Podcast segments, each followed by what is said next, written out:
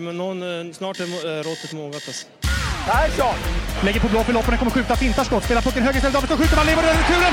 Skottläge kommer där! Kan jag få låna micken? I mål! Hur skjuter karln? Hur skjuter han? Jag kan bara säga att det där är inget skott faktiskt Lasse. Det där är någonting annat. Det där är liksom, han skickar på den där pucken så jag nästan tycker synd om pucken. Den grinar när han drar till den. Utan Fröbo var målvakt! Kan jag få låna micken? Kolla! Poff! En allvarligt talat Leif Boork håller på med hockey i 600 år! Kan jag få låna micken? Hallå i stugorna, Mårten Bergman här. SHL-podden möter NordicBets podcast om SHL och svensk hockey.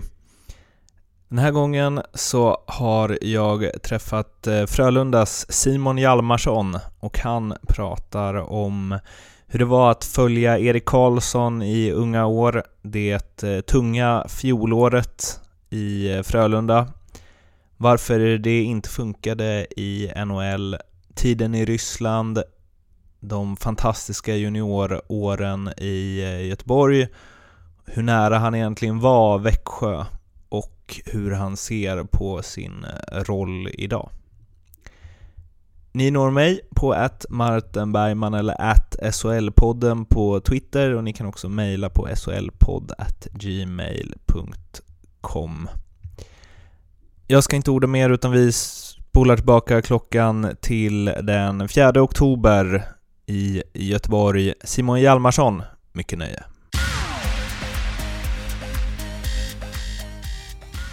Efter lite rumsbyten och så vidare så hittade vi en eh, lobby här på Hotel Royal i Stockholm. Det är lite dammsugare i bakgrunden och så vidare. Och på tal om dammsugare då, om man nu får göra den här övergången, vi är trots allt i Göteborg, så är det ju inte vilken dag som helst idag, utan det är ju kanelbullens dag. Så Simon Hjalmarsson, hur många kanelbullar har du tryckt hittills? Uh, inte en enda än så länge. Uh, det är för dåligt. Ja, det är för dåligt. Jag var precis och tog en fika också, så hade de till och med reklam för det där, att de skulle sälja någon extra kanelbulle med det. Men uh, nej, jag, jag står emot och ja, mycket matcher nu så man får, man får skippa det helt enkelt. Hur är det annars med liksom, sockerintaget? Jag har, I min idoga research så hann jag tyvärr inte se alla YouTube-klipp med dig. Men jag såg någonting swisha förbi i alla fall på SHLs hemsida när du kom till Frölunda tror jag. Där det stod att typ, alltså, rubriken var att du gillar Coca-Cola men inte att sniffa på suspensorer. ja, det var en liten udda intervju där, men... Uh... Men jag hann aldrig se den. Vad Är det liksom beroendenivå på Coca-Cola-gillandet? Uh, nej, så, så långt skulle jag inte dra det. Absolut inte. Men det är klart att det blir ganska mycket, mycket träning och mycket matcher och ibland behöver man en liten sockerkick och kanske blir någon gång för ofta men nej det... Är det din last? Om du har något? Ja, om jag hade något. Ja, det är väl det i så fall. Men mm. som sagt, det, det, är inte på någon orimlig nivå utan det, jag håller det ändå lagom. Men det är ändå, det är inte light? Det, det är blandat. Okej. Okay. Det är blandat. Mm. Ja, vi får väl skicka en faktura till Coca-Cola efter det här. jag jag tänker att vi eh, börjar eh, långt tillbaka. Du spelade ju i ett juniorlag i Frölunda som enligt Elite Prospects hade spelare eh, som, och nu tar jag alla de jag kände igen i truppen då. Viktor Stålberg, Patrik Saxisson, Mårten Madsen, Patrik Karlsson, Robin Figren, Kirill Starkov, Joakim Andersson, Mikkel Bödker, Anton Axelsson, Jonas Ahnelöv, Mattias Porseland, Sebastian Karlsson, Lars Eller, Jens Hellgren, Joel Gistedt.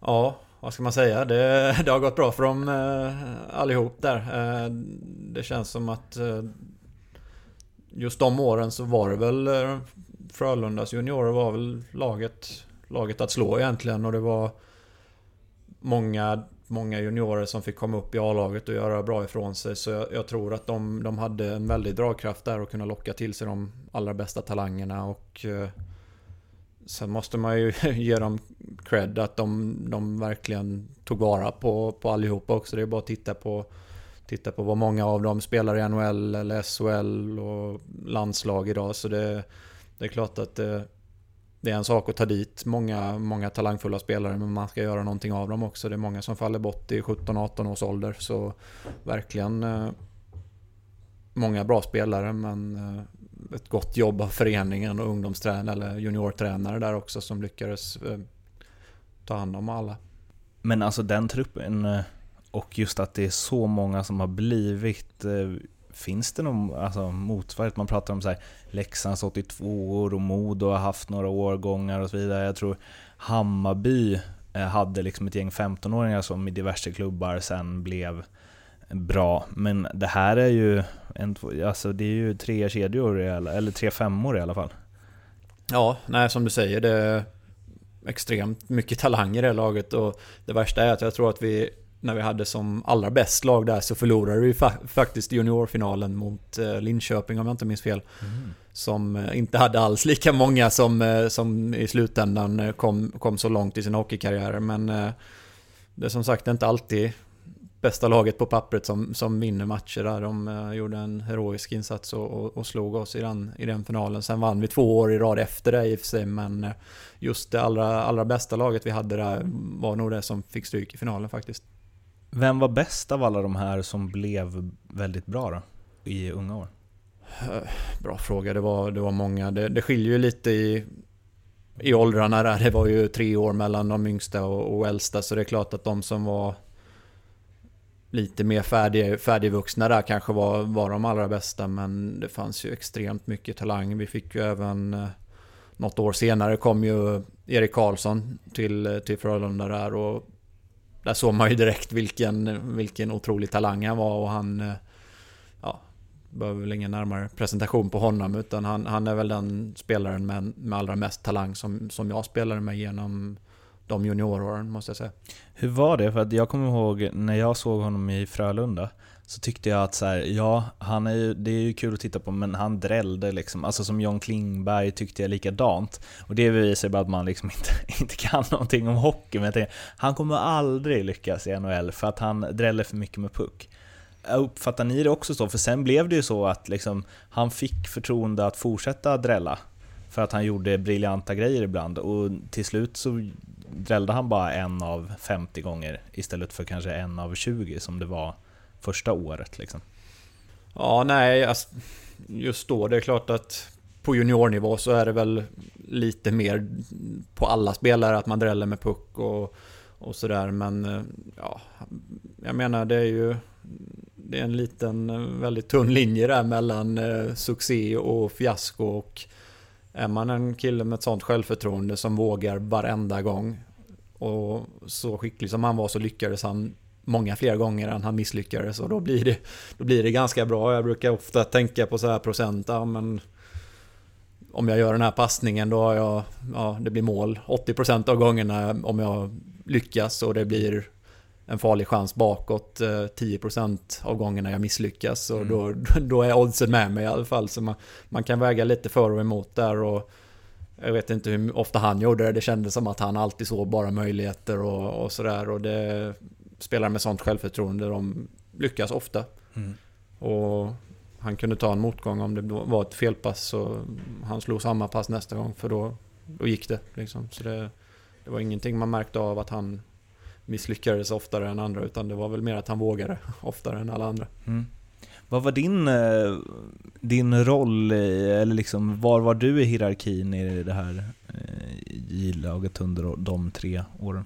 Ja, det, det, gick väl första året så kom jag dit, eh, då var jag yngst i, i, i laget och speltiden blev väl därefter men jag tyckte ändå att de de matchade in mig på ett bra sätt men som, som vi har pratat om tidigare, det fanns otroligt mycket talang där och det är svårt att ge alla exakt lika mycket speltid men jag, jag fick absolut mina chanser trots att jag var yngst, yngst i laget, eller en av de yngsta då i laget. Och sen efter, efter första året så försvann ju några upp i A-lag och vidare till eh, juniorligor och Kanada och allt sånt. Så då, då blev ju min roll bra mycket större och eh, andra och tredje året så, så fick jag ju spela extremt mycket på alla i alla spelsätt sådär. Så då, då fick jag ju otroligt stort förtroende och det, det är bara att tacka för. Som sagt, konkurrensen var inte dålig men eh, vi var några stycken där, framförallt födda 89 då, som, uh, som var väldigt bra och vi fick stort förtroende också. Trots Mm. att vi var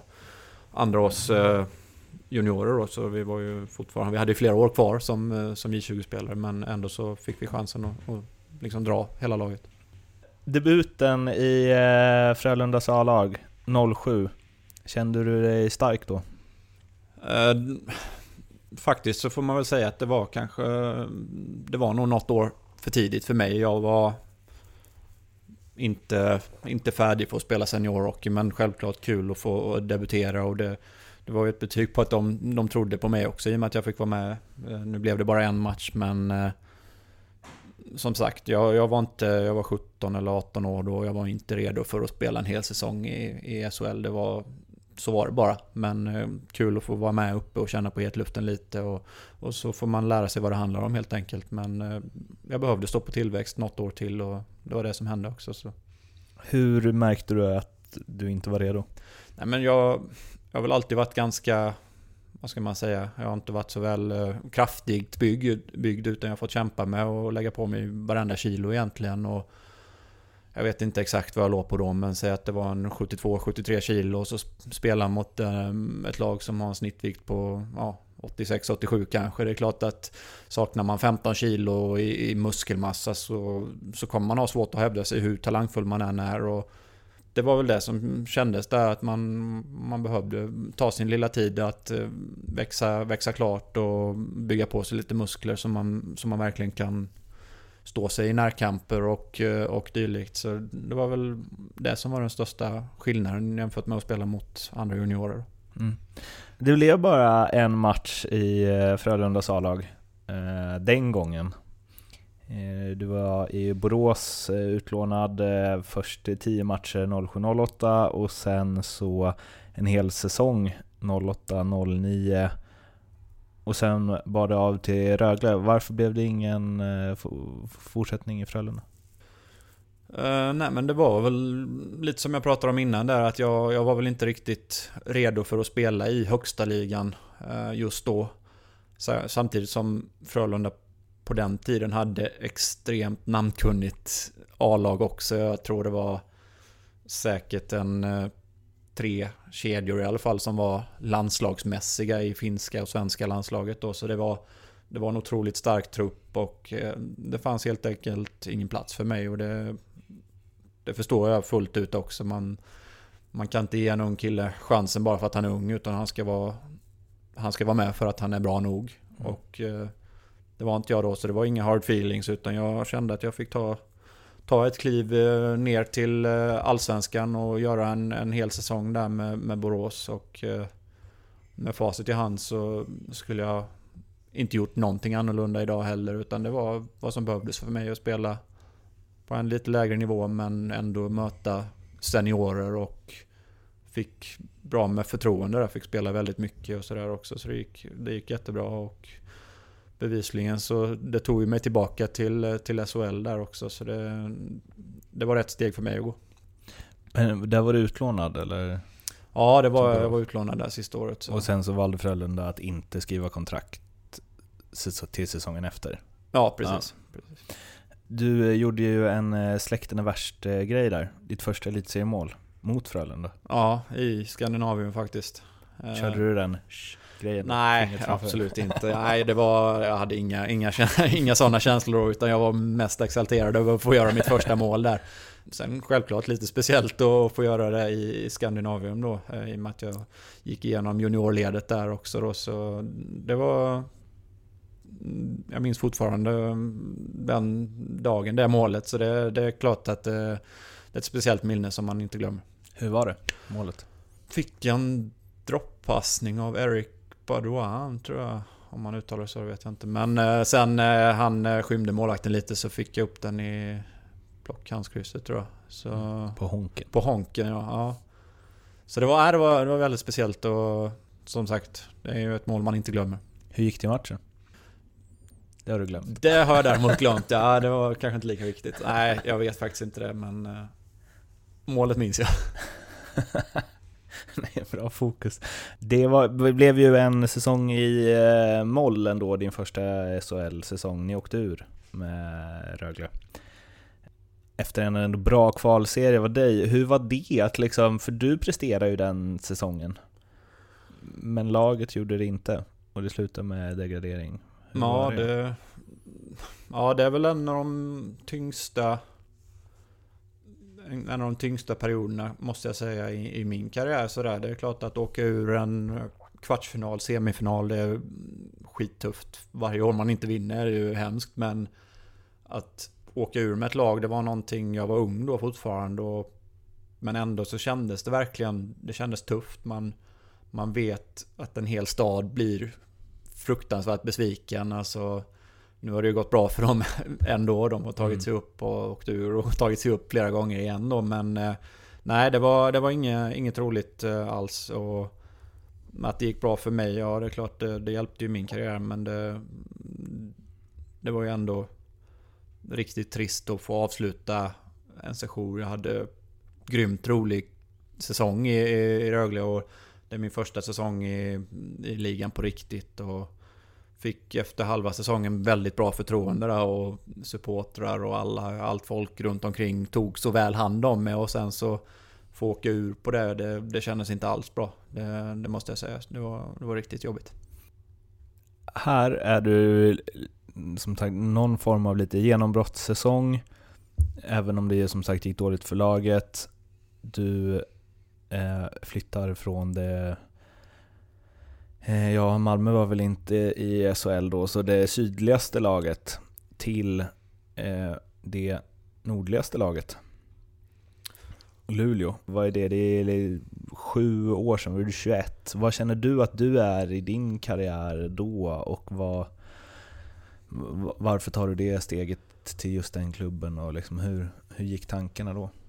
Eh, ja, egentligen så var det ju...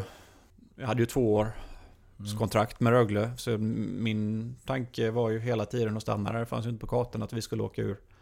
Sen eh, när vi väl gjorde det så bröts ju detta kontraktet då och eh, jag hade ju som sagt fått ett litet genombrott där på slutet av, eller andra halvan av säsongen i, i högsta ligan. Och det är klart att då finns det ju... Då finns det ju... Jag menar, har man spelat där och man känner att man klarar av det så vill man ju fortsätta spela i SHL, så är det ju bara.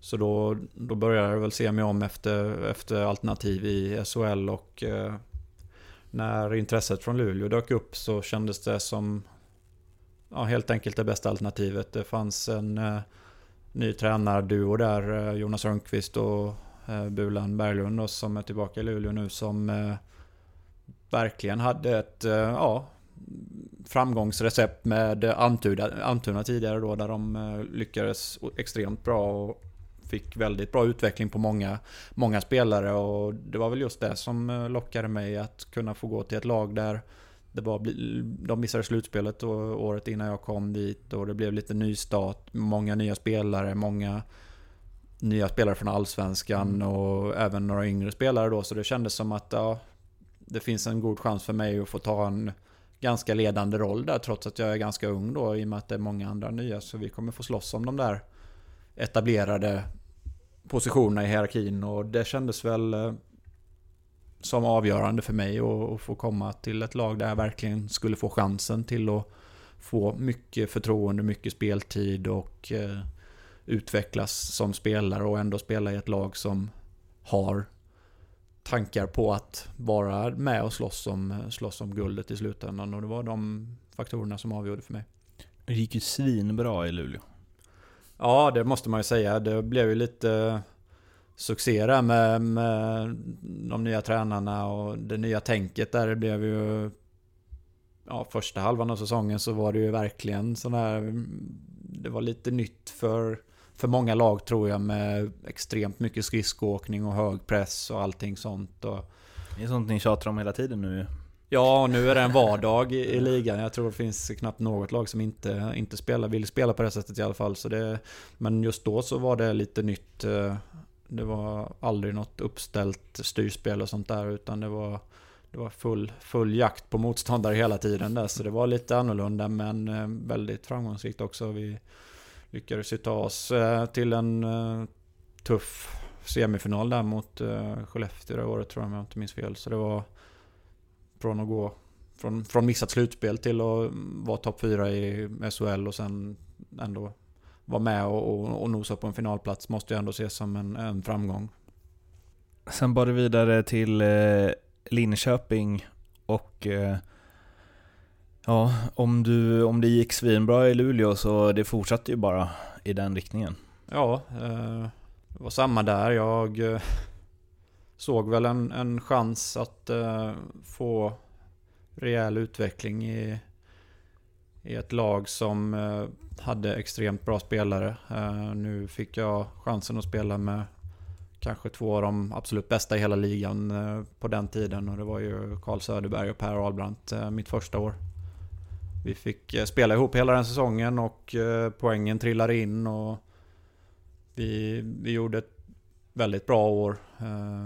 Men återigen så blev det tyvärr för tufft med Skellefteå. Jag tror vi hade fyra av fem matcher i den semifinalen där som gick till eh, overtime. Och de var snäppet starkare och jag tror till och med de vann det året. Så det var, det var lite synd för det känns som att det var ett um, ja, det var ett, ett ruskigt starkt lag vi hade där. Och vi hade absolut haft en god chans att, att vinna om vi bara hade tagit oss förbi den där semifinalen när känner du, alltså drar du, för du åkte över till NHL och Columbus efter 13-14. Då hade du gjort 57 poäng på 55 matcher, 27 mål. Du, du var inte bäst med det trodde du? Eller? Nej, det var nog någon som hade fler mål där. 28 precis. Ja. Linus Klasen gjorde 28 ja. och Chad Kolar, ja just det, ni spelade i samma, ja. gjorde 30. Um, eller Colaric. Eh, men jag känner att jag är ursäktad efter ditt uttal Aha. på Erik Be Bedouin. Eller? Bedouin, ja jag vet. Ja det är något sånt. Den är kämpig. Ja. Eh, du drog till Columbus i alla fall, kritade på för dem. Eh, blev ingen match där. Och du spelade heller ingen match för uh, Fammarklubben Springfield Falcons utan eh, tillbaka till Europa. Hur var den sessionen som ändå var eh, på andra sidan pölen? Eh, jo då, det var, det var lärorikt. Eh, jag kom ju dit eh, med förhoppningar absolut att få starta i NHL och eh, jag kände väl att jag hade på något sätt tagit mina mina år i SHL då. Många åker över tidigt och spelar några år i AHL. Mm. Och, men jag var 25 när jag skrev på det kontraktet och åkte över med tanken om att spela i NHL. Och jag blev nedskickad precis innan seriestart och eh, då kom det ett erbjudande från från CSKA Moskva då i KHL som var ja, ett av de absolut bästa lagen i Europa och jag kände väl att spela AHL eller KHL, ett av de bästa lagen i KHL, så kände jag väl att det var mer intressant för mig att spela, spela i, i, i KHL då än AHL. Och det var väl det som avgjorde i slut. Det var ett svårt beslut, absolut. Men eh, hade jag stannat kvar och kämpat så kanske jag hade fått göra debut. Men det hade också kunnat vara så att jag inte hade fått göra det och då kanske min karriär hade stagnerat. Det, det, det är ett väldigt svårt beslut där man, man måste ta. Eh, och det var tufft men eh, jag ångrar inte det idag att jag tog det. Jag fick spela som sagt i ett av Europas bästa lag i, i två år och eh, kände att det gav mig också extremt mycket. Både på ett personligt plan och få, få spela i ett eh, land som Ryssland där och, och få spela i en, i en liga som är eh, riktigt bra också. Så jag kände att eh, med facit i hand så, så kände jag att det, det var rätt beslut för mig. Du sa um, där när du var på väg upp från Frölundas juniorlag till A-laget att du, ah, du var inte redo för SHL och så. Fanns det någonting i när du kom över till eh, Columbus att du var inte redo för NHL? Eller tycker du att du borde? Eh, vad jag tycker, det, det, spelar nog ingen roll. Jag eh, känner väl att jag hade... Jag hade absolut eh, kunnat eh, spela i NHL Eh, just då. Eh, men eh, det är extremt stor konkurrens. Alltså vi, det var, jag tror det var 20 forwards kvar som alla var extremt bra och det, de, de valde några andra och det, det kan jag förstå också. De, de tyckte kanske jag att behövde utvecklas lite till i AHL och sådär och givetvis det, det hade varit kanske bra för mig också men, men just då så kände jag att jag ville spela i en så bra liga som möjligt och när det inte blev NHL så blev det KL istället och ja, det är möjligt att jag inte var kanske helt redo. Det kanske hade varit något år i AHL som hade behövts för mig för att bli redo och ja, måste vara men det, det var ett beslut jag tog då och man man kan alltid vara efterklok och tänka om att ja, men just där så har man kanske två dagar på sig att ta det där beslutet och, och då ska det vara snabba ryck och då var det magkänslan som sa att jag skulle åka och då, då gjorde jag det. Kände du, för du sa ju det att du tog några extra år i SHL kanske mot vad många andra gör och, och liksom levererade höga poäng säsong efter säsong och att du verkligen var, ja men nu är det dags. Tror du att om du inte hade gjort det, om du kanske hade stuckit efter din första poängstarka säsong eller så, tror du hade varit mer benägen att acceptera ett år i AHL då? Eh, det tror jag absolut. Eh, Eh, det, det, det, är jag ganska säker på. Det var väl just därför som valet blev att lämna då i och med att jag, jag var 25 och det är ju ingen ålder egentligen sådär men eh, ja, man, man får stå för sina beslut och det, det gör jag idag och jag som sagt är nöjd över, över de besluten jag tog och mm. jag trivdes eh, extremt bra med mina unga år och spela i SHL. Jag kände att det var en utve utvecklande liga och bevisligen så tog jag många, många kliv i och med att jag slog mig in i, i landslaget och allting sånt eh, även på, på hemmaplan här. Då. Så det, det känns som att eh, alla val jag har tagit i karriären, de, de står jag för fortfarande och jag ångrar ingenting. Så det, det, det är så jag känner nu i alla fall. Finns det någonting i att, att, när du valde att lämna för KL att du gav upp NHL-drömmen? Eh, absolut inte, tvärtom. Utan med att jag flyttade till KL så kände jag väl att det var ett likvärdigt sätt att göra mig redo för att komma tillbaka till NHL en vacker dag. Genom att spela i en eh, extremt tuff liga. Många extremt bra spelare. Eh, en, en riktigt tuff liga. Eh, skiljer sig lite från AHL men eh, Förmodligen, det, nu har inte jag koll på AHL sådär, men vad man har hört i alla fall så, så är det väl lite annorlunda där. Men jag såg det som ett, ett steg, likväl som om jag skulle åka tillbaka till SHL, så, mm så såg jag det som ett steg till att ta mig ännu närmre NHL då. Jo, för det, jag fattar det rent ur så här, din, eh, alltså att du, hur du blir en bättre spelare. Men jag tänker också, det man har hört flera gånger, att det finns ett politiskt spel där borta som så här, om du inte Alltså att de vill att man ska ner i AHL, man ska visa att man inte eh, liksom bara vill tillbaka till Europa. Alltså att det finns mycket sådana grejer, kanske en lite så amerikansk-kanadensiskt stuk på det. Att man kan få stämpeln att man typ ger upp eller något om man inte vill. Alltså du fick inga sådana indikationer? Uh, Eller var nej, alltså för att det just, bli så? Just, eh, just i det laget så kanske jag fick det, men jag tror att hade jag gjort det tillräckligt bra i KHL så tror jag inte något annat lag hade tvekat på det. Jag har sett många andra som har gjort, eh, gjort eh, samma sak och, och, kommit tillbaka senare. Liksom. Och det, det, tror jag nog att är man bra nog så kommer man få spela. Eh, och det har jag väl inte varit helt enkelt, så det, det är bara att acceptera. CSKA Moskva som du gick till, är det något lag man ska spela i i KL så känns det som att man ska, eller så här, är det någonstans man ska bo i, i KL och Ryssland så känns det som ett bra ställe. Ja, jo men det var väl det, var väl det som gjorde beslutet ändå att det vägde över för just att eh, CSKA, ja, topplag, eh, ett av de bästa lagen, många bra spelare, får spela med bra spelare extremt bra träning. Eh, allting, eh, allting var verkligen på topp där och Moskva en superstad och allting sådär. Så det, det kändes som att eh, det fanns inget bättre ställe just då att spela på i Europa tror jag. Så jag, jag var väldigt nöjd med det här klubbvalet måste jag säga. Hur är Moskva? Hur är Ryssland? För, ja, det finns ju en del med Putin och där som inte är 100% i alla fall inte utifrån svenska värderingar och synsätt och så. Hur är det att leva i Ryssland med, alltså som svensk, liksom, när du vet hur det är här?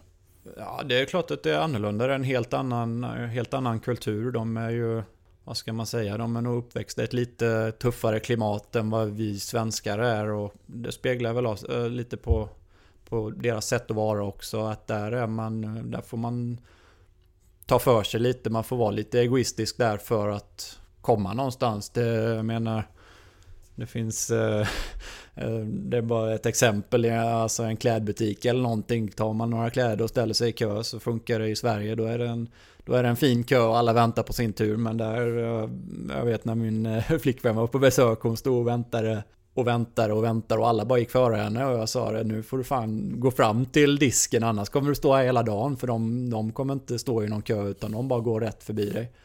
Och det är väl lite så det fungerar där att där eh, vill du ha någonting så får du ta det och du måste vara egoistisk och, och sådär så det, det är lite annorlunda på så sätt men Hur speglar det sig i hockeyn då? Det är likadant där. De, det, det är väl lite mer att har du en eh, chans att göra allt så har du lite som fotbollen kanske. Kommer du två mot noll så gör du hellre mål själv än att spela den som öppet mål. Det är lite, lite så är det nog. Eh, även om det har suddats ut lite tror jag på senare år. Att eh, det är väl inte på exakt samma sätt som, som det har varit vad jag tror i alla fall. Men det är fortfarande det. Eh, jag menar. Där är ett sätt att, jag menar spela hockey, det är ett sätt att få ett bra liv eller sådär. Mm. Det är ganska stora klyftor kan man säga i samhället där. Om, om man tycker att det är stora klyftor i Sverige så är det ingenting mot vad som är i, i Ryssland då. Många kanske är uppväxta med och inte har någonting. Och, och att lyckas i hockeyn är deras stora chans. Och, ja, mm. Om det blir på bekostnad på någon annan så ja, fine. Det är liksom inga konstigheter. De, de är vana vid det helt enkelt. Så det, det är deras kultur och den, den är man inte van vid men jag hade inga problem med det, absolut inte. Jag kollar igenom eh, truppen från året du kom dit. Då var det en, två, tre, fyra, fem, sex, sju spelare som inte var från eh, Ryssland. Mm. Eh, bland annat Andreas Engqvist då. Mm. Nu kanske, jag vet inte om det underlättar huruvida han är där, men hur är det är många som säger att ryssar är speciella, slänger man sig med lite så. Hur var det när du kom dit? Alltså så här, hur är de i jag vet inte, så här, omklädningsrum? Och, alltså är de bara tja tja, välkommen, kul att du är här, eller är det liksom Ja, det är lite, det är lite speciellt där för de, nu hade jag tur, många i mitt lag hade varit och spelat i USA eh, på olika nivåer, AHL, NHL och så de flesta kunde engelska så då det hjälper ju givetvis att akklimatisera sig lite.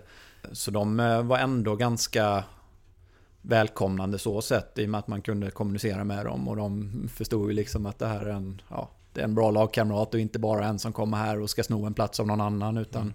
Så det funkar ändå ganska bra. Sen, sen blir det ju givetvis så att de, de icke-ryssarna, det är de som hänger ihop. Alltså så är det. Det blir nästan mm. som två lag i ett lag. Och de, eh, de var väl inte helt bekväma med att prata engelska och det kan väl vara en av anledningarna till att eh, det blir sån liksom två grupperingar i laget. Och, och det kan man väl förstå också eh, på ett sätt om man inte känner sig helt bekväm med att prata något språk eh, så ja, då har man ju 18 andra man kan prata sitt egna språk med. Mm. Så vem, vem skulle du välja? Jag menar det, det blir ju ganska enkelt. Eh, hade inte jag kunnat engelska så kanske inte jag hade umgått så mycket med våra nordamerikaner i laget heller. Så är det ju. Så det, det får man ju förstå. Men det, det blir som sagt det blir extremt. Man är ju van vid att vara den som kan språket här hemma mm. i Sverige då. Och man har ju aldrig riktigt tänkt på hur de här som kommer och som utifrån känner sig. Men eh, nu har jag fått eh, vara med om det och det, det hjälper ju lite med hur, hur man kan bete sig mot de som kommer nu då till vårat mm. lag som inte kan svenska. Att man, ja, man får inkludera dem. Men som sagt i Sverige så kan ju alla engelska så det, jag tror det är lite lättare att komma till ett svenskt lag där, mm. där alla verkligen kan språket väldigt bra. För att eh, vi gjorde ju en reklaminspelning med eh, dig och eh, Joel Lundqvist och jag vet inte om ni som lyssnar på det här har sett den men den eh, rullar på eh, jumbotronen i Skandinavium eller Frölundaborg. Och då så eh, snackade jag och Jocke som klipper den här podden, vi sa efteråt att så här, Mm, att du var så himla snäll. Eh, och så, alltså, och så började vi resonera kring det, att, här, att man kan gå långt, alltså att vi tänker att man måste ha ett ego, man måste tycka att man är bäst, man måste liksom så slå sig fram-grejen i hockey. Men när vi har gjort det här och träffat, liksom, jag har gjort flera spelare som vi bara De är så himla snälla och så här ödmjuka och typ eh, Ja, inte så mycket så här star quality som man ibland kanske kan tänka. Blir du en annan när det är in i liksom eh, hockeyvärlden och när det gäller att så här ta för sig där? Eller är du liksom på samma sätt lite så här, jag vet inte, ja, inte tar så mycket plats? Det är en liten balansgång där. Givetvis är det, är det matcher och sånt så är det då måste man ta för sig. Ja, ja, det, det, finns ju inte, ja. men jag förstår vad du menar. Det här med i omklädningsrum och eh, även på träningar och sånt så mm. finns det många som är olika. Vissa låter ju andra, men här, låt han få pucken, mm. låt han skina lite och mm. jag kan stå hellre i bakgrunden. Och lite sån är väl det, jag vet inte om man ska kalla det typiskt svenskt att man, eh, ja, man är jag vet många, jag har spelat med extremt många hockeyspelare som är väldigt ödmjuka vid sidan av isen men extremt egoistiska på isen sådär. Mm. Men det, det gäller ju att ha någon, någon sorts, sorts blandning. Så jag tror att man vinner mycket på, på att vara ödmjuk och bli mm. Eh, uppskattad i, i laget man spelar i. För eh, ja, är du för egoistisk så ja, till slut så kommer ju ingen gilla det och ingen vilja ge dig mm. några passningar mm. eller unna dig någon framgång. Så då, då, då kan du falla lite på det också. Så det gäller att man har någon, någon slags liksom bra balans däremellan och, och ta för sig och även vara en en bra kille i laget liksom. Det, mm. det, gäller, det gäller ju man ska ju inte skapa ovänner i, i sitt egna lag. Det, det, är det värsta som finns för, för en lagsammanhållning. Så det, det känns som att man, man får försöka hitta någon, någon bra, liksom något sätt som, som funkar i laget och som även funkar på isen. Man får inte vara för snäll heller för att mm då kommer man bli överkörd eh, där ute. Jag tänker just Ryssland där, mm. att det måste finnas något helt, eller jag tänker att det är en helt annan grej där. Där kan man inte gå in och bara Åh, visst jag passar dig i alla lägen. Alltså, så här. Nej precis, det gäller ju att man är, eh, ja det gäller att man står upp liksom och, och verkligen visar nu, nu är jag väl kanske en, en spelare som inte är den som åker runt och liksom håller i pucken och sådär och, och, och, och sånt utan jag jag är ju... Jag skulle i alla fall själv se mig som en lagspelare och det kan jag inte frångå bara för att jag ska visa att jag ska gå in och ta för mig och bara köra grejer jag aldrig har gjort förut. Mm. Utan man får, man får spela sitt spel och göra det på rätt sätt och verkligen vara kaxig i, i sitt spel om man mm. kan uttrycka sig så. Mm. Jag vet inte, det är lite diffust där men eh, att man verkligen står för de grejerna man gör ute på isen och liksom inte inte börja göra något annat bara för att någon annan tycker att man ska göra det eller för att jag själv vill ta mer plats eller sådär. Så det, det är liksom vara, vara kaxig i sin, sin egna, sina egna storheter. Det äh, äventyret i Ryssland äh, slutade med en torsk i sjunde avgörande va? I Gagarin mm, Cup-finalen. Äh, um, hur var, alltså så här, allt där. Dels hur var det ens att gå till det och spela en sjunde avgörande och hur jobbigt var det att inte vinna? Uh, nej, det var ju första året var det ju likadant. Då spelade vi konferensfinal där mot Sankt Petersburg. Ledde med 3-0 i matcher och allt var frid och fröjd. Och så förlorade vi fyra raka. Uh, mm. Åkte ut i... Historiskt? Eller? Ja, exakt. Och det var extremt, extremt tungt. Uh, verkligen.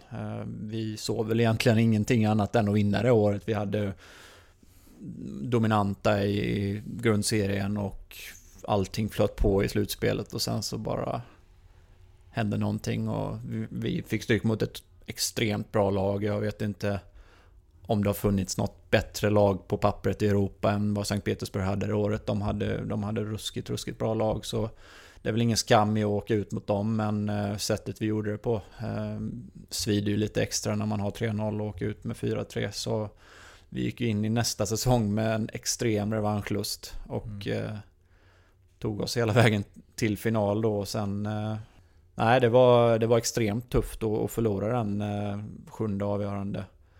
Man eh, kämpar i tio månader och så allting bara raserar på 60 minuters hockey där. Det var, nej men det, det är tufft men eh, man måste kunna hantera motgångar också. Jag menar ett lag vinner och ett lag förlorar så är det i varje final. Och det är ju inte... Tror jag ingen tycker det är särskilt kul att vara på den förlorande sidan men när man, när man väl har varit där så kommer man uppskatta vinsten tio gånger mer. Hur är eh, stämning och hype kring ett eh, en finalserie i KL kontra om man går långt i SHL? Alltså det är fullsatt och galen stämning Ja, varje match liksom. eh, jo men det var det. Det, det. är bra. Sen, sen har man inte riktigt uppfattningen för man kan ju inte läsa tidningar, man förstår inte riktigt och likadant eh, TV tror jag inte tittar på någon gång i Ryssland så man kan ju inte riktigt följa med det mediala hur stort det är. Nej. Men eh, trycket på läktaren och allting, eh, det går ju inte att klaga på. Det var extremt bra. Sen skiljer det sig ganska mycket. Moskva är väl ingen hockeystad egentligen, utan det är mer eh, lite finare folk som går kanske på teater och, och lite sånt. Så vi hade ju halvdana publiksiffror, men i slutspelet så var det, då var det verkligen drag kring, kring hockeyn och det var långa köer för att få biljetter. Så det var, det var kul att vi kunde gå så långt båda åren för då fick man verkligen märka av den stämningen på hemmaplan. Men eh, Vad tog arenan?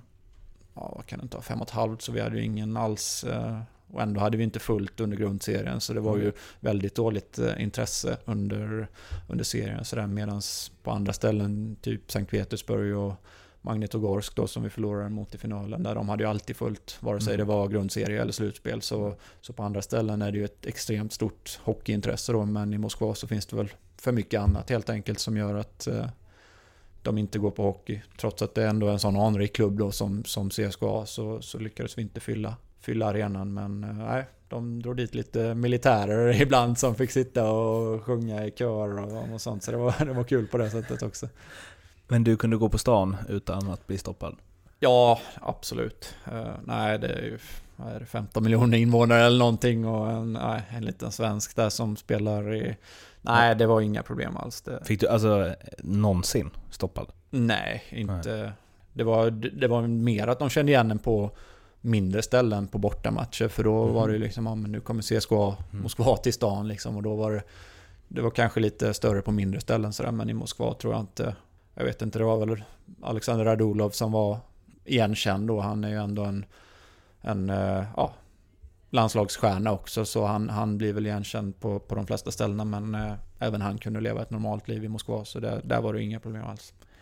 Varför bestämde du dig för att eh, vända tillbaka till Sverige? Första tanken var väl att stanna kvar. Eh, jag ville spela kvar i CSKA. Och de hade väl intresse att signa om mig. Sen åkte jag på en skada som gjorde att jag missade tre månader där. Och kom tillbaka till slutspelet och fick väl inte spela jättemycket i slutspelet där. Det gick helt okej men eh, förståeligt nog så, så hade ju andra spelare tagit för sig. Och, så jag, de valde att inte signa om mig då. Så tittade jag mig efter andra lag i KHL och det var väl inget som kändes jätteintressant. Uh, inget lag som jag kände att jag verkligen ville spela för. Så då började jag väl snegla lite, snegla lite mot SHL och det kändes som att SHL hade kommit uh, en bra bit uh, uppåt igen efter några år där alla de bästa har lämnat ligan så kändes det som att nu börjar folk flytta hem till ligan istället. Det kommer spelare från KHL tillbaka till Sverige, det kommer spelare från Schweiz, spelare från NHL som, som flyttar tillbaka till, till SHL och på så sätt gör ligan till en väldigt attraktiv liga att spela i. Eh, har alltid varit extremt utvecklande liga. Det är bara att se på alla, alla spelare som är borta i Nordamerika nu som startar i NHL och sådär. Så det, det var väl det som gjorde att nu, nu känner jag att jag, ja, jag kör eh, SHL och mitt sikte på NHL fanns ju fortfarande där och eh, jag såg ju många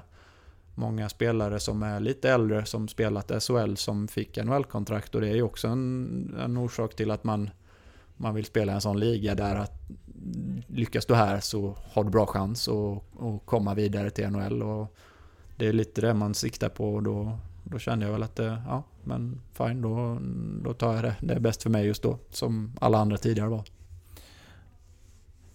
Men det var ju fler som ville ha dig va? Ja, det blev, eh, det blev en, en del eh, funderande där men eh, Växjö har väl till och med sagt att utåt sagt att ni hade möten, eller de hade möten med dig i alla fall. Ja, ja, det stämmer att jag var. Jag vet att det stod i tidningen när jag, efter jag hade varit där att jag redan hade skrivit på ett kontrakt. Men det, Ja, okej. det stämmer givetvis inte. Men jag var där och jag var och tittade på faciliteter och jag var och träffade sportchef och tränare och sånt och fick en väldigt eh, bra uppfattning om, eh, om, om Växjö. Och det är bara att titta på vilken resa de har gjort de sista tio åren. Eh, från att gå till, från division 1 till att vinna SM-guld. Det är ju extremt stort och det känns som att de har växt in i den kostymen också. Ibland kan det gå lite för fort men det känns som att hela deras ja, ledning runt om också har verkligen växt in i den stora kostymen. Så det, det var ett väldigt hett alternativ och när jag valde lag så tittade jag mycket på vilka, vilka klubbar har lyckats utveckla spelare bäst och vilka är det som slåss om SM-guld varje år då. Och det var ju till slut så stod det mellan Växjö och Frölunda då som verkligen, ja, de har vunnit varsin gång då och även exporterat extremt många spelare till NHL och då blev det de det stod mellan och sen att det till slut föll på Frölunda. Det var väl att jag har en historia i,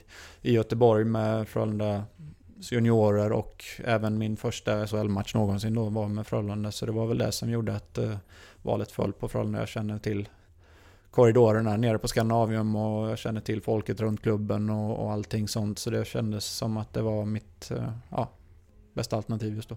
Fanns det någonting i att du också, in, som du sa, inte var redo sist du var här? Att du ville tillbaka och liksom slutföra det man påbörjat? Alltså, Nej, egentligen inte. Jag har aldrig, jag har aldrig tänkt ens i de banorna att, att det var någonting som gick fel när jag var här. Utan jag var inte redo och sen när jag växte upp så, ja, målen har ju alltid höjts lite. När, jag, när man var yngre så var det ju bara att få spela i, i A-laget hemma i Gislaved som var det stora målet då. Och sen ju bättre det har gått desto högre har man ju alltid liksom haft det här, eh, satt ribban. och när jag flyttade till Frölunda så var det givetvis att jag skulle få komma upp och spela i, i A-laget i Frölunda. Och, men sen när jag lämnade Frölunda så var det aldrig sådär att äh, jag måste tillbaka hit. Jag måste verkligen spela i A-laget där för att det var mitt mål när jag var lite yngre. Men mitt mål har väl alltid varit att få spela på en så hög nivå som möjligt. Eh, få ut det mesta av min kapacitet och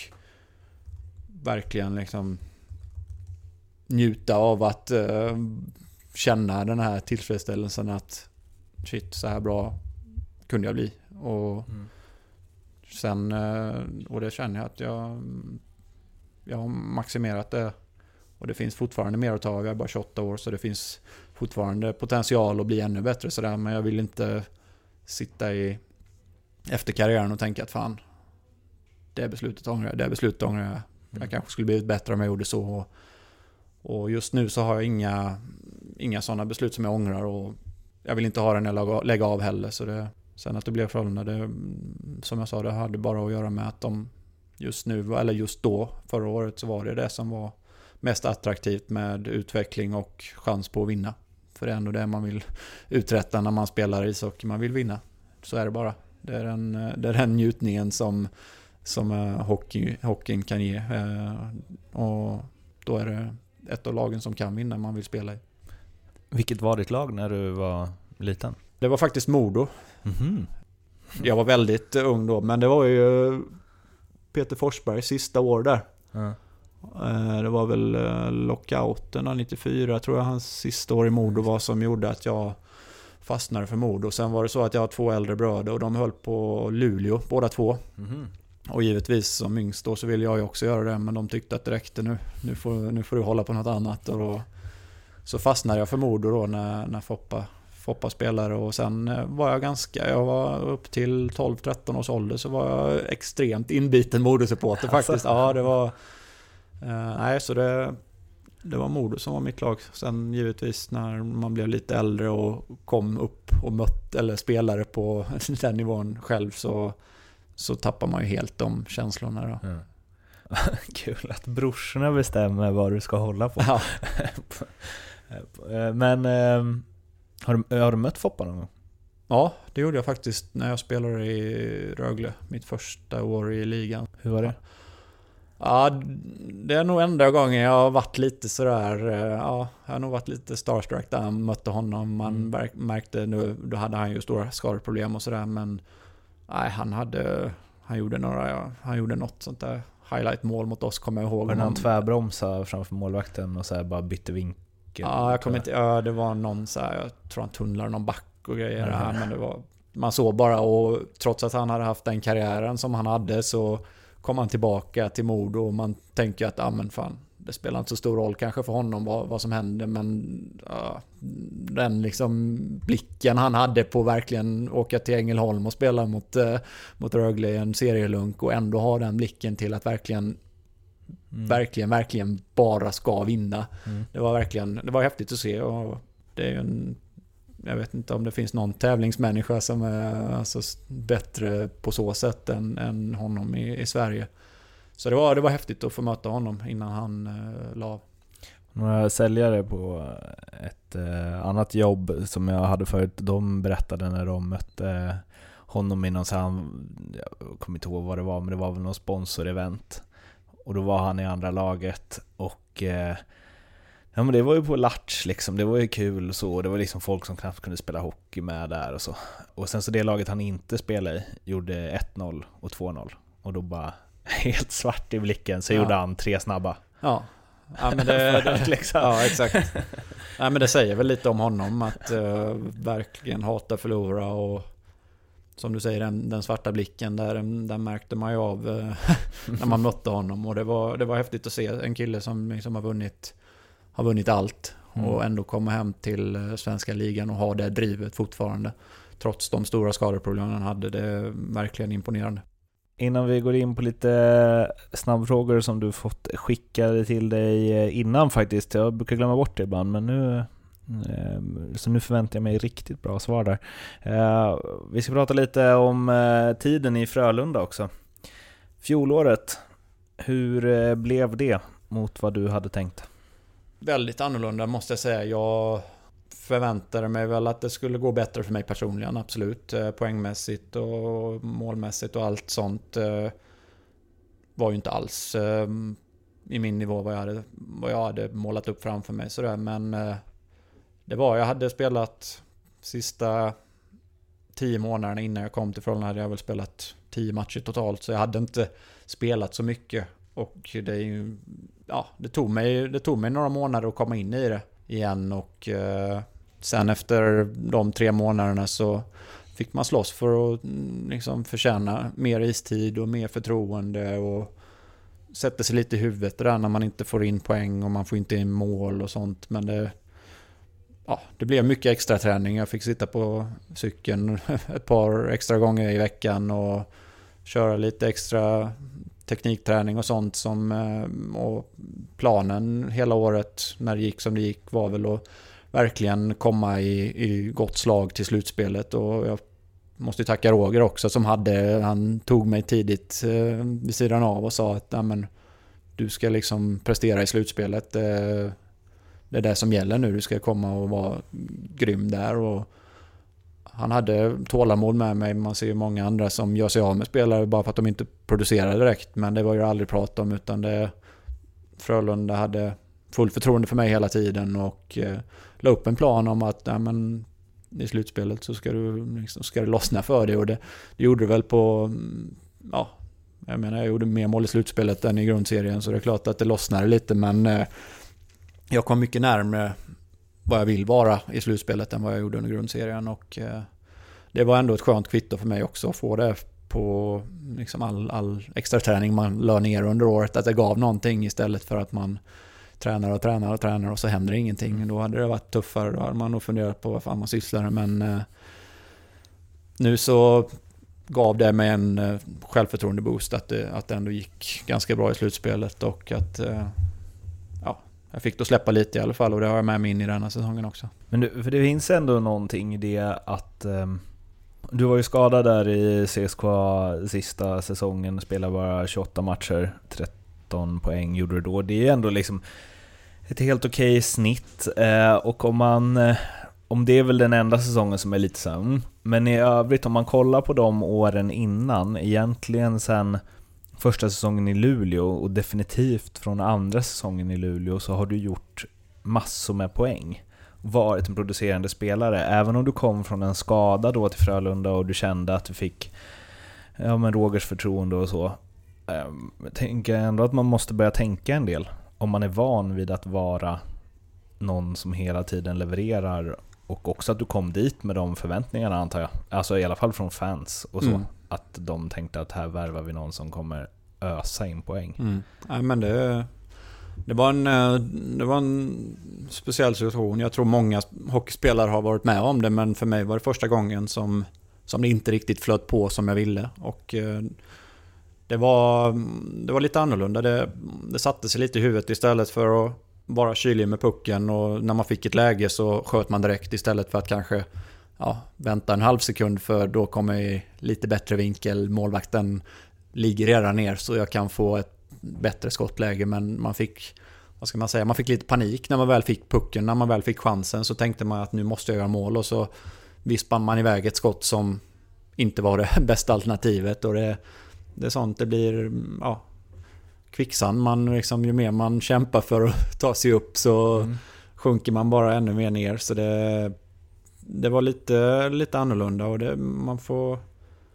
Ja, som sagt, mycket, mycket hårt jobb fysiskt men man kanske inte fick med det där psykiska då att man, man måste kanske jobba med sina egna tankar lite, få bort demoner och, och allt möjligt sånt där. Så, och det är, så, det är så lite som krävs för att det ska vända också. Det är någon studspuck, man får göra något mål så här. Man får göra två mål i en match som jag gjorde någon gång i slutspelet och då bara Shit, jag kan ju det här. Jag har gjort det hela mitt liv. Varför gör jag inte så här hela tiden? Och då släpper det helt plötsligt. Så det, det är lite sådär...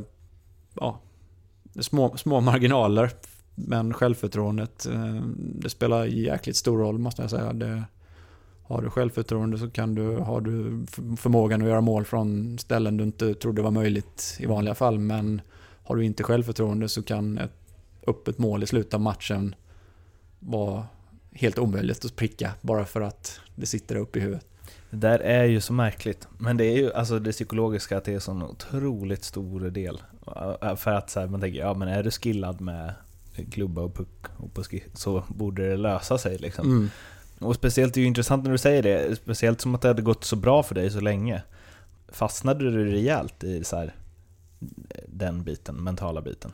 Att du började tänka alldeles för mycket? Nej, jag, jag tror ändå att jag inte är som tur är så mycket den personen som grubblar allt för mycket. Utan jag, jag försökte bara se, se framåt hela tiden och eh, till slut så var det väl bara att nej, jag, jag går ut och gör ett jäkla bra jobb. Och mål eller inte, det skiter jag fullständigt i just nu. Utan nu ska jag bara göra allt det bästa för laget liksom och att man blir ännu mer, man blir ännu mer, nu har jag ju som jag sa innan eh, att jag tycker själv att jag är en väldigt bra lagspelare så där. jag vill alltid det bästa för laget men förra året så kanske det blev ännu mer det där att man ja man, man satte sina egna liksom sin egna prestation nästan helt åt sidan för att vara helt laglojal och det är på gott och ont man, man måste ju också Sätter man sig själv i första rummet så kan man ju bidra till laget på ett ännu bättre sätt ibland också. Så det, det är svårt att hitta den där bästa liksom. Ibland så, så måste du offra någonting för att få någonting ännu bättre. Och, Mm. så det, men eh, nej, det blev väl lite, lite eh, psykologiskt där att man, man inte fick in puckarna. Men det, men det hjälpte mig bara till att jobba ännu hårdare. Och förhoppningsvis så ska det väl lossna lite mer detta året. Eh, Du, några spelare som du har spelat med genom karriären som jag vill att du eh, säger något om, om du har något att säga om dem. Alexander Radulov. Ja, eh, galning och geni i samma, samma människa. Han är en underbar artist. Alltså det, jag tror aldrig jag har sett en spelare dominera hockeymatcher så som han har gjort.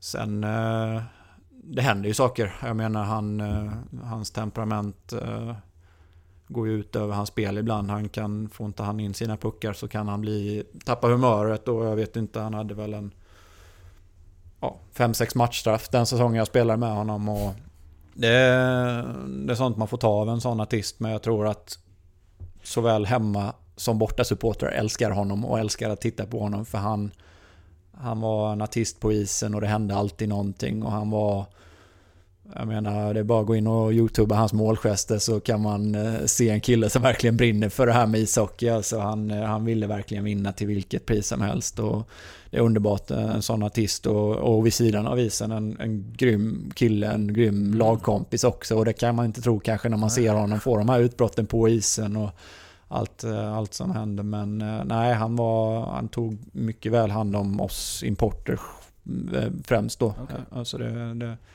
det är inget man kanske tror om honom, men en jättebra människa vid sidan av isen. Han var som en uh, ung Simon Hjalmarsson i temperament. Ja, Eller precis. Ja, han, uh, jag, nu har jag haft dålig koll på han där borta i NHL, om han har ja. tagit med sig det dit, men det kanske inte funkar lika bra där borta. Chilla lite mer Ja, det är nog bäst Carl Söderberg? Ja, han är nog en av de, en av de bästa jag har spelat med. Uh, han, ja, med den farten och jag menar storleken han har så ja, det var väl ingen, ingen direkt, jag var inte direkt förvånad när han lyckades så bra som han gjorde i NHL sina första år där efter, efter året i Linköping. Han kunde verkligen dominera en is med den pondusen han hade och han var otroligt svårstoppad. Så han, han hade stor, stor del i, i framgången i våran kedja, absolut, det måste jag säga. Bröderna Sedin? Ja, det blev inte så många matcher med dem där, men ja, jag tror alla såg där, vad, som, vad som hände med det laget när de kom in i, i, i landslaget 2013 eh, där och vann, vann VM-guld. Det var ju...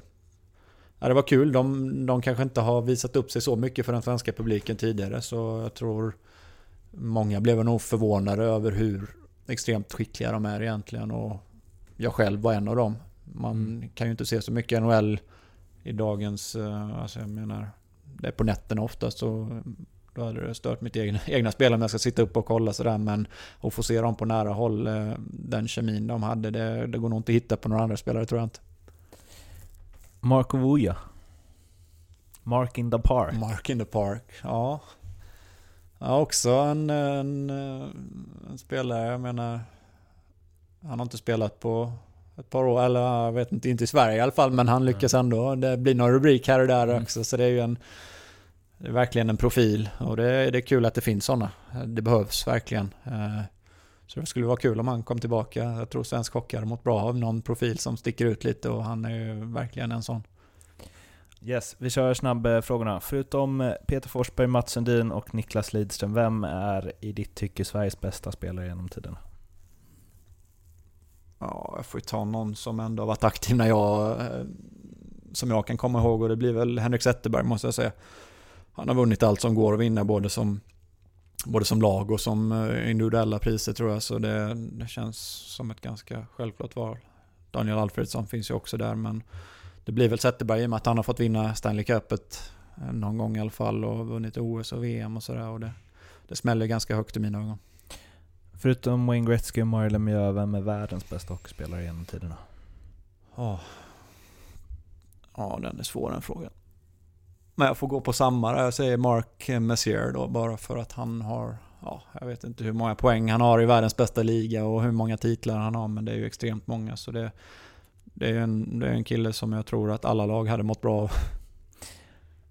Tror du att du hade spelat i första femman i alla NHL-lag 1990? Så bra som du är nu? Så bra som jag är nu? Det är helt omöjligt att svara på egentligen för jag, jag har ingen aning. Jag såg inte en match, jag var ett år så jag har ingen aning om hur bra de var. Men med tanke på hur mycket spelet har utvecklats så tror jag, då får jag nog säga ja, jag tror det. Om du får tänka helt fritt, vilken regeländring, hur galen den än må vara, hade du velat testa en gång inom hockeyn? Den här det är faktiskt eh, Robin Figren som kom på den här, men jag tycker att han vill ju förbjuda stick on pack för han tycker att det, det tar bort tiden för alla hockeyspelare och han tycker att det skulle vara två minuters utvisning om man kör stick, stick on pack då så jag får sno den och, och säga det. Vadå stick on pack? Ja men att eh, liksom bladet ut mot Ja. Blad mot jag blad. Tänk, ja, jag men tänkte alltså att, att man, det var det du menade. Ja, det är ju en god regel att ta bort. Ja, precis. Att du inte får... Du får inte störa spelaren. Nej, det är, hans, det är hans regelförslag där. Jag tror aldrig den kommer gå igenom, men eh, det fick ju vara hur udda som helst. Så jag snor den av honom ja. faktiskt. Där. Det är ju att ta det här, ta bort hakningar lite längre. Ja, precis. Nolltolerans mot allting.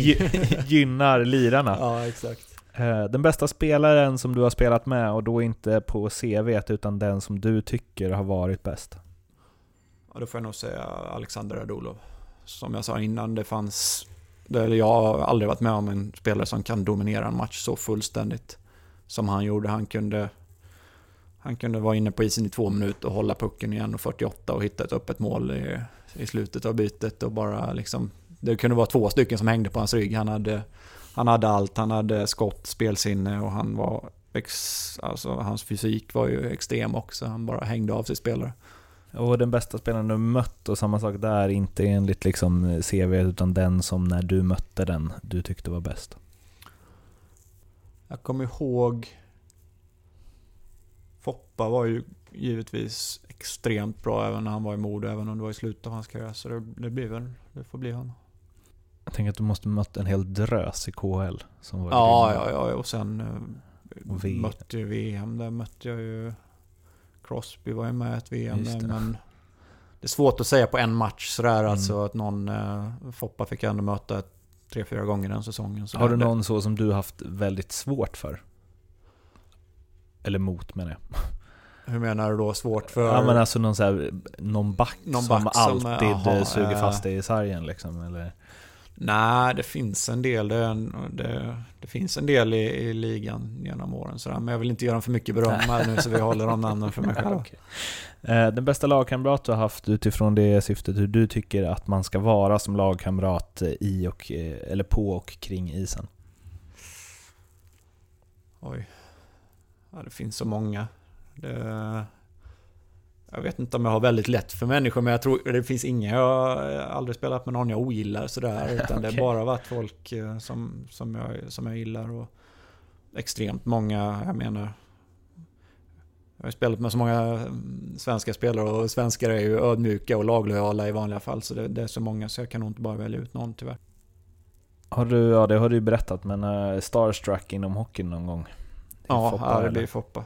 Det är, den enda gången. Och då har jag ändå mött ganska många Mm. väl meriterade spelare. Men eh, det kan, det kan bero på att jag var ganska ung när jag mötte honom också. Men, men just det var väl den enda gången jag har blivit liksom riktigt... Det var, det, var, det, var, det var häftigt. För det är en kille som jag spelare som jag har sett upp till verkligen under hela, Mm. under hela min uppväxt. Så var ju Foppa var ju... Det var, det var han som fick mig att börja hålla på Modo till exempel också. Så det var klart att det var speciellt att få möta honom rätt slut. Har du blivit starstruck utanför hockeyn någon gång? Eh, nej, inte, inte direkt. Jag mötte Thomas Ravelli i trappuppgången igår. Jag vet Eller om det var Andreas, det vet jag inte. Men eh, nej, det är väl inte. Men det, nej. Man blir alltid, man har nickat till lite sådär bara, "Ah, fan det är ju... Försöker hålla och inte säga någonting när man möter honom. Bara, nej men det var... Jag är lite förvånad men... Nej, inte, nej vid sidan. Jag har inte mött, träffat någon som är på den nivån att jag har blivit starstruck vid sidan av faktiskt. Din största framgång inom hockeyn? Eh, VM-guldet 2013. Absolut. Hur var det? Det var, det var extremt stort. ehm, när man är mitt i den där bubblan så förstår jag inte riktigt själv på hemmaplan och allt det var liksom... Ja, det bara flöt på och till slut så stod man där. Man förstod inte riktigt, man hann inte riktigt reflektera över vad som hade hänt. Men det, i efterhand så har man verkligen eh, njutit av att se tillbaka på den tiden som otroligt underbar. Och ditt största misslyckande inom hockeyn?